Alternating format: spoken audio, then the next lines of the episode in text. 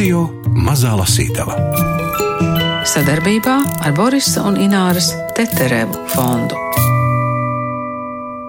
Tom, cik apmēram laika ir pagājis kopš mūsu pēdējās tikšanās šeit? Trīs gadi, es domāju, kopš iznāca Lopu ekspress. Tiekamies ar Tomu Kreitsbergu, kurš raksta angliski. Sācis ar fantāzijas stāstiem, kas latviski apkopoti krājumā Dubultnieks un citi stāsti. Viņš turpināja ar romānu Lopu ekspresis un tagad Havanas kaķu karalis. Toma Kreitsberga aktuālā darbības joma šobrīd ir finanses. Viņam ir savs bloks. Havanas kaķu karalis tajā brīdī jau bija uzrakstīts, Un, ja nemaldos, viņš jau bija pat pārdots amerikāņiem.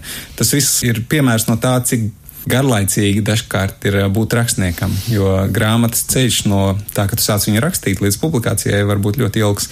Kaķu karalis 13. gadā sākās, es sāku pie viņa strādāt. Katrā romānā ir kaut kāds lopiņš, ja tad lopa ekspress, un tad ir kaķu karalis, un katrā darbā Nākam, nākamais kāds... būs zvirbulīšu dējas, jā. nu, bez dzīves radīja viņas nekur. jā, tas nav apzināti, bet kaut kā tā sanāk, jā. Mm, jūs paskaidrosiet, kas ir kaķu karalis? Kaķu karalis ir uh, grāmatas Havanas kaķu karalis galvenais tēls Riks Gutieres, kurš pelna naudu tīņa gados ar to, ka ir izveidojis saitu, kurā ir daudz video un bildītas ar kaķiem un to, kā viņi visu kaut ko muļķīgi dara. Kā jau jūs zināt, Facebookā visi to šēro kliko, spaida, un tad no reklāmām var pelnīt naudu, un tīnim tā ir ļoti labs peļņas veids. Kādas jums pašam ir attiecības ar Kubu? Ļoti pretrunīgas noteikti. Kuba, kad es tur pirmoreiz ierados, noteikti man zināmā mērā ielaida savus nagus manī un nelaiž vaļā tādā ziņā. Man ļoti iepatikās mūzika, ļoti iepatikās kubas dejas, un es tur atgriezos vairākas reizes, kopā pavadīju vairāk nekā gadu. Tajā pašā laikā, protams, tas komunisma režīms un vispār tas ekonomiskais līmenis un birokrātiskais līmenis, kas tur ir, ir ļoti nospiedošs, un tur dzīvot ilgstoši es eh, nespētu, lai gan kā cilvēks no ārpuses tur tāpat dzīvoja privileģētā situācijā, bet tas sadzīve tur diezgan smaga.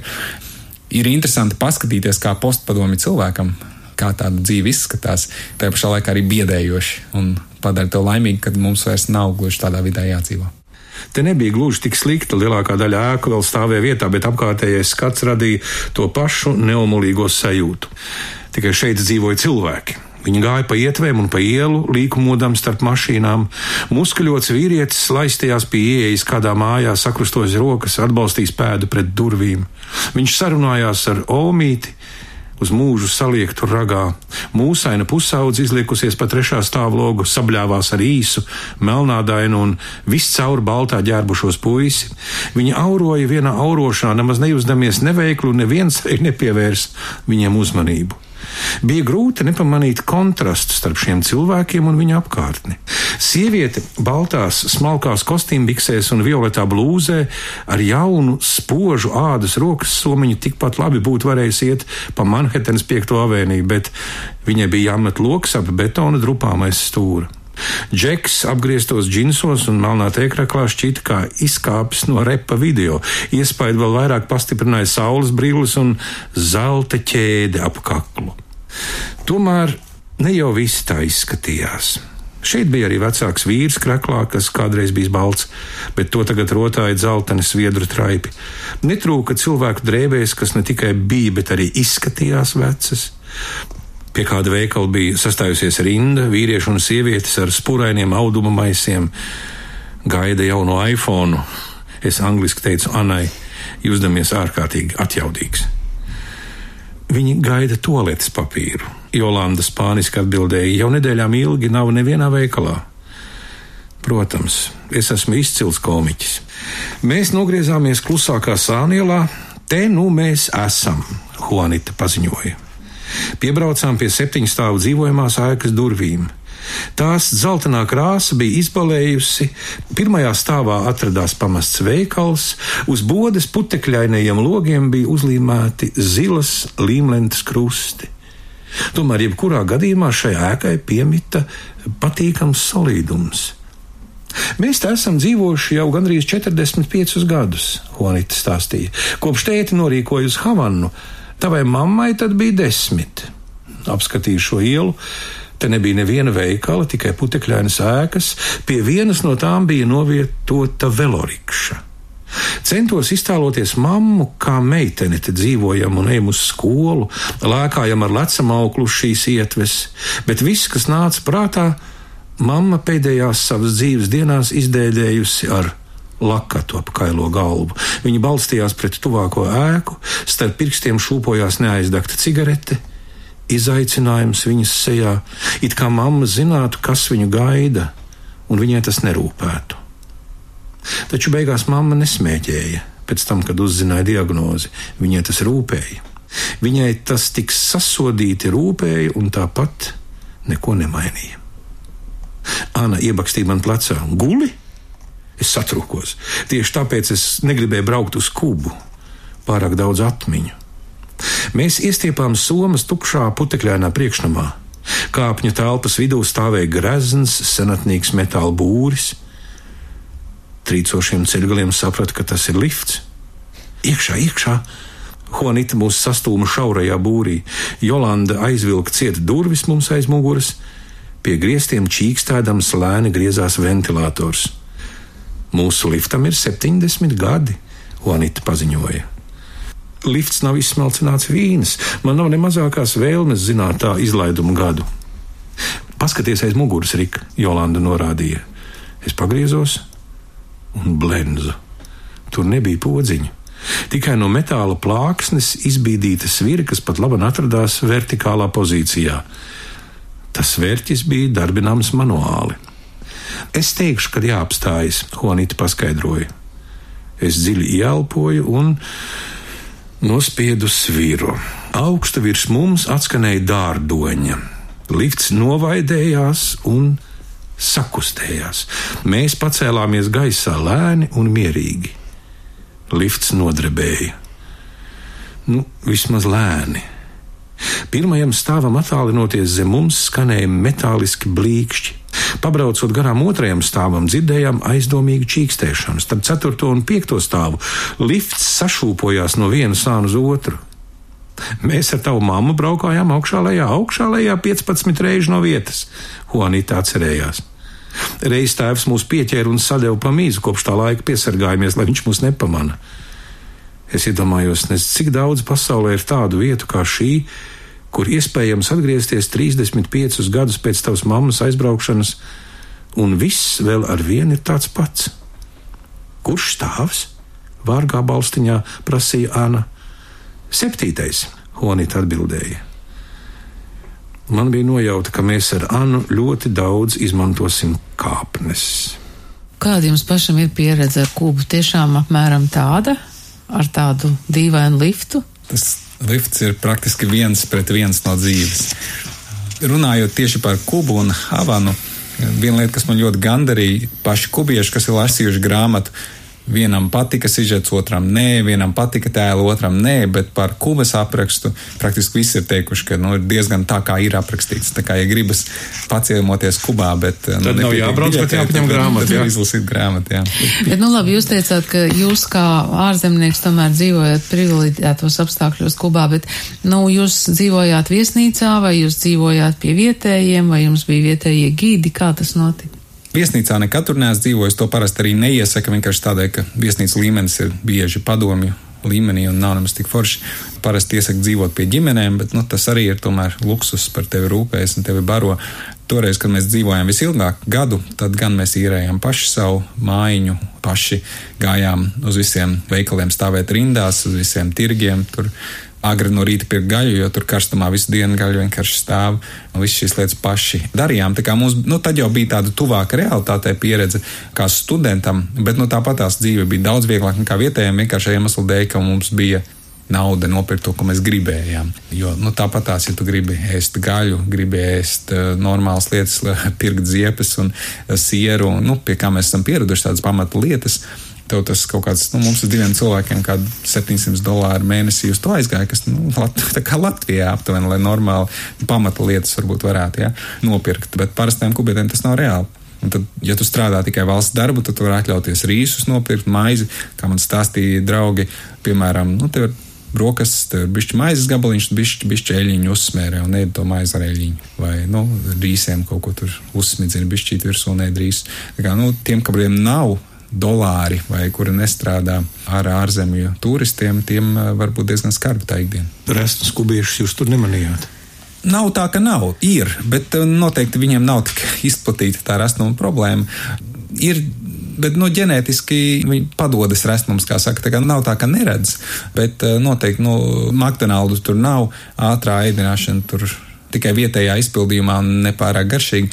Kur vislabāk paēst Kubā? Vislabāk un visdrošāk pašam atrast Pirkt un sagatavot, sagatavot. Jo saindēties, kā man bija ļoti skara pieredze, var.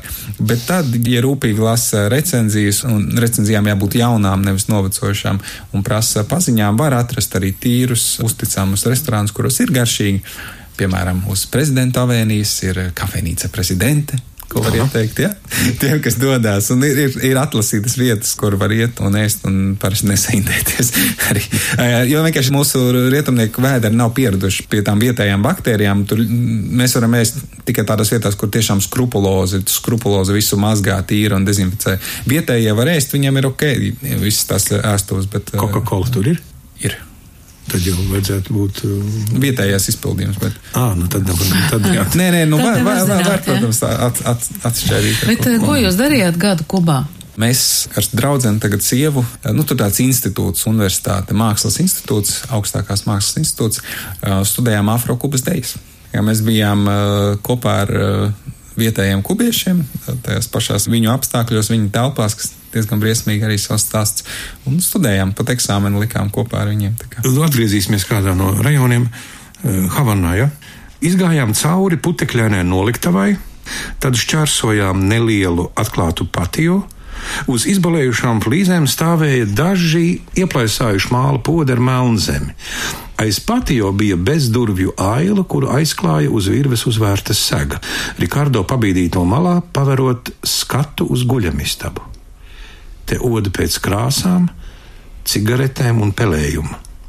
Sienas izķēmoja dzeltenbrūnas rūsas švīkas, virs galvas slīps jumts, kuras pāris bija tumšas no pelējuma, uz gultas bija šauras matracis ar puķu rakstu, tik tikko varēja noteikt ka tās kādreiz bijušas zilas.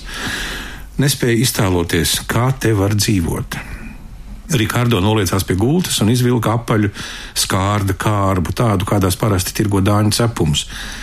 Viņš nolika to uz matraču un pacēla vāku. Kārbā bija haotiski samestas neskaitāmas papīra lapiņas, izplēstas piezīmju bloknotu lapas, papīra salvetes, printeru papīrs, avīžu papīrs. Visu noklāja vārdi rokrakstā. Mājas saimnieks parakņājās pa kārbu un izvilka vairāk kārt pārlocītu piezīmi papīra lapu. Viņš to atlocīja un padeva man. Rikardo rokraksts bija sīks, bet kārtīgs un labi salasāms. Šķita, ka tas neiederas uz šīs saņurcītās lapeles. Dzējolim bija tikai desmit rindiņu. Žigli pārskrēja tām ar acīm, tad izlasīja vēlreiz, meklējams slēpto jēgu. Dzējols bija vienkāršs, tā vārdi izmeklēti, taču tieši. Tas vēstīja par vakaru Trinidadā. Noguris vīrs atgriezās mājās, gāja pa bruģētajām ielām, rietošā saule sildīja viņa seju. Viņš klausījās, kā pāris turistu strīdas ar taksistu, domāja par kafiju, ko atgriezies sev uzvārījis, sajūta apelsīnu ziedu smaržu. Tā atgādināja viņam par jaunību, kas pavadīta priežu salā. Viņš pasmaidīja. Tas arī viss. Nekādas revolūcijas, vispār nekādas politikas, pat ne mīlas vai kaislas, tikai nostalģisks nieciņš. Gabals turistiem gluži kā bildes galerijā. Jauks, padeva lapu atpakaļ Rikārdo. Jauks, viņš pamāja, jā, tas ir jauks. Vīrietis man vēroja, it kā gaidīdams ko vairāk. Nu tā, prātoju, ko lai vēl pajautā. Kāda bija mana māte, kad jūs viņu pazināt? Man jāver vaļā galerija. Rikārdo atteica un nolika nost skārda kārbu ar dzējoļiem. Sekoja viņam atpakaļ uz galeriju. Viņš atvēra vārtus uz ielu un atbalstījās pret tiem, vērodams garām ejošos turistus.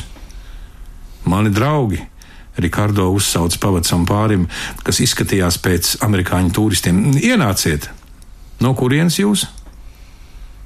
aizgriezos no viņa. Gatavojos iet prom. Jau bija pagājis pāris soļu pa ielu, kad Rikārdo ierunājās. Marija, viņš sacīja, kā viņai iet? Paskatījos atpakaļ uz Rikārdo. Viņš stāvēja durvīs un raudzījās uz ielu tā, it kā neko nebūtu teicis. It kā jautājumu būtu uzdevusi kāda balss no nekurienes. Mamma pirms diviem gadiem nomira, es atbildēju. Bija domājis, ka Rikārdo varētu sarauties, aizgriezties, varbūt pat sākt raudāt, bet viņa tuklajā, mīkstajā sejā nepakustējās nevaipsts. Atsvešinātās acis nereizi pat nesamirkšķinājās. Tom, jūs oriģinālā rakstījāt angliski, jā? Ja? Jā. Un kāda ir sajūta, ka jūs tagad to dzirdat latviešu? Tas vienmēr ir ļoti interesanti. Tā ir iespēja, reta iespēja autoram bišķi no jauna uztvert savu darbu. Jo tā, kad tu viņu uzraksti vienā valodā, un pēc tam tu viņu lasi, viņi nevar uztvert kā lasītājs, jo tu pats viņam esi murgojies cauri un, un, un to visu rakstījis, tas nāk no tevis grūti uztvert. Dažreiz kā rakstnieks, ko tu dari, pieliec datorā ļoti dīvainu, savādu kaut kādu fontu, tur izskatās teksts savādāk, un tu, vari lasīt viņu kā svešu. Un ar šo ir līdzīgi, ka tu viņu dzirdi citā valodā. Tu vari no jauna viņu uztvert, un tiešām es tagad klausos, un es varu iedomāties, kā tas izskatās, un, un sekot tam sižetam tādā veidā, ka es nevarētu, ja es vienkārši oriģināli lasītu. Jo Svanī bija licis man kaulēties. Skatoties uz Lalo, uz viņa kaulēnajiem sāniņiem, es to nespēju. Labi, To pateicis, tūlīt pat aptvēru, ka Pablo nebūtu neizskatās pēc cilvēka, kam trūkst pārtikas. Viņam bija jaunas drēbes un dzīvoklis izskatījās pieklājīgi, bet jau bija par vēlu.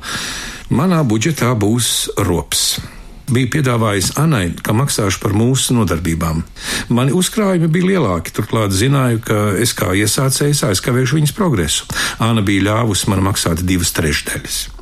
Ja kāds dod naudu par brīvu, es neatsakos, viņa paskaidroja, bet negribu uz savas sirdsapziņas tavu augstskolas uzkrājumu sagrāvi. Pablo ielika zibatmiņu DVD atskaņotājā un ieslēdza televizoru. Iedārdējās timba, veca dziesma par tarakānu, kukarača, mīdīšanu. Nu, rādiet, ko mākat. Dejot Pablo skatienu pavadībā bija grūti. Vai zini to sajūtu, kad gleznas acis šķietami tev sako visur telpā? Tādas ir arī deju skolotāja acis. Tās redz visu, katru sīkāko kļūdu, katru kļūdu. Un vēl tur bija Lalo, kurš vēroja mūs no kakta sakrustojas rociņas uz krūtīm tieši kā Pablo, un virtuvē Liljāna, kas uz mums vēsi un vienaldzīgi noraudzījās. Dziesmas vidū Pablo apturēja mūziku un paskatījās uz mani. Tu māki dažus labus soļus un sarežģītus pagriezienus, un tu dejo ritmā, tas ir svarīgi, bet tu esi tik gracios kā Frankensteina briesmonis, tikai mazāk lokans. Nu, paldies, paldies, es pasmaidīju. Pablo nesmaidīja. Viņš pagriezās pret Anu. Tu dejo mehāniski, pārāk eleganti un klasiski, pārāk perfekti, saproti? Tev vairāk jākustina ķermenis. Es nezināju, ko nozīmē pārāk perfekti, bet Anna pamāja, it kā neko citu arī nebūtu gaidījusi. Mēs piestrādāsim pie salsas, Pablo paziņoja, taču sāksim ar rumbu. Es blendu uz viņu rumbu. Prātā izbējās vakardienas atmiņas, Josvanī, kas dejoja ar Ānu, viņa ķermenim veicot neiedomājamas kustības. Tu domā, ka es varu iemācīties dejot rumbu? Pablo mani nopētīja. Rumbas vingrinājumi atbrīvos tavu krūškurvi un plecus. Tā gluži nebija apstiprinoša atbilde. Vai es varu filmēt nodarbības? Māna jautāja. Droši vien, ja maksās 30 kuku stundā, kas ir kuka. Kubas ekvivalents dolāriem. Kuki. Par laimi viņi izvēlējās nefilmēt. Galvenā loma filmā neizsakāmas šausmas divi. Riks Gutjeres mēģina iemācīties dejot rumbu. Tas man nevilināja. Sākumā Pablo lika mums veikt izolētu kustību vingrinājumus, izapļot torsu, izkustināt plecus sarežģīta bungu ritmu pavadībā. Vingrinājumi nebūtu tik grūti, ja tos nepavadītu Pablo iecienītākā komanda. Otra veiz, viņš teica, un otra veiz, un otra veiz, vēlreiz, un vēlreiz, un vēlreiz, miljardiem reižu. Sviedri grauza acis, pleci sūstēja, tad zem ribām sāka sāpīgi durt. Labi, Pablo teica, tagad skatieties. Tikko Pablo sāka dejot, viņš vairs nebija pusmūža vīrs ar alus vēderu. Viņa ķermenī iemiesojās jauna enerģija. Pat iespaidīgais vēders kustējās mūzikas ritmā. Josvanija rumba bija enerģiska un pārliecināta, bet Pablo dejoja viegli un jautri. Vienu mirkli viņš līdzinājās apaļam, lēkājošam klaunam. Tad pieliecās, salika rokas aiz muguras un sakustināja plecus, knābājot kā pāraugusi vista. Pablo izpildījumā tas likās viegli un nepiespiesti. Un tad viņš teica, nu, jūs kārta. Rumbā ceļgali vienmēr ir viegli ieliekti, tā ka dejojot tu lēkā augšu plēbu kā mantiņu uz atspēres. Nu, labi, patiesībā tev nav jāizskatās kā mantiņa uz atspēres. Tā izskatos es, bet princips tas pats. Ar katru soli tavi ceļi saliecas, atliecas, saliecas, atliecas. Pamatsolī bija arī citas daļas - roku kustības, krūškurvi kustības, plecu kustības, līdz tā mēs nemaz netikām. Mēs tikai šūpojāmies augšā, lejā, augšā, lejā. Gan Lalo, gan Liljana ātri vien aizgāja uz savām istabām. Otrās stundas laikā zēns atkal parādījās. Viņš aizlīda Pablo aiz muguras un skatījās, kā mēs ar Anu lēkājam. Lalo plati pasmīnēja, parādīja uz mani ar pirkstu. Tad iesēdās ceļos un sāka šūpot ķermeni augšā lejā, augšā lejā, kā piedzēries mērkaķēns. Puika smējās, Āna iespurdzās. Es sastingu pussoli un nosargu. Jaukainiņa. Bet uh, tomēr jūs teicāt, ka nu, tā rakstnieka dzīve ir tik garlaicīga, nē, bet nu, jums tagad ir jārunā par darbu, ko jūs rakstījāt uh, pasen. Kas tagad ir aktuāli jūsu dzīvē bez finanšu eksperta darbiem? Jā, nu jāatzīst, ka šobrīd uh, aktuālais ir finanšu tēma. Kopš aizsāku to indekso projektu, to vien dienas iet. Es piekopu tādu seriālu sēriju veidu fokus pieeja dzīvē. Katram periodam ir kaut kāds fokus, un šobrīd man fokus ir uz biznesa, biznesa izveidošanu un visu, kas no tā izriet. Paies kaut kādi gadi, fokus atkal nomainīsies un taps nākamās grāmatas, nekur nepaliks. Bet šobrīd, ja kāds grib lasīt, ko es rakstu, var lasīt manu blogu tomskreitsbergs.lv. Bet pagaidām mēs nelasām blogu, bet gan fragmentus no Toma Kreitsberga romāna Havanas kaķu karalis. Latviešu valodā tulkojusi Ieva Melgalve, izdevusi Zvaigzne ABC, lasīja Gundars Āboliņš.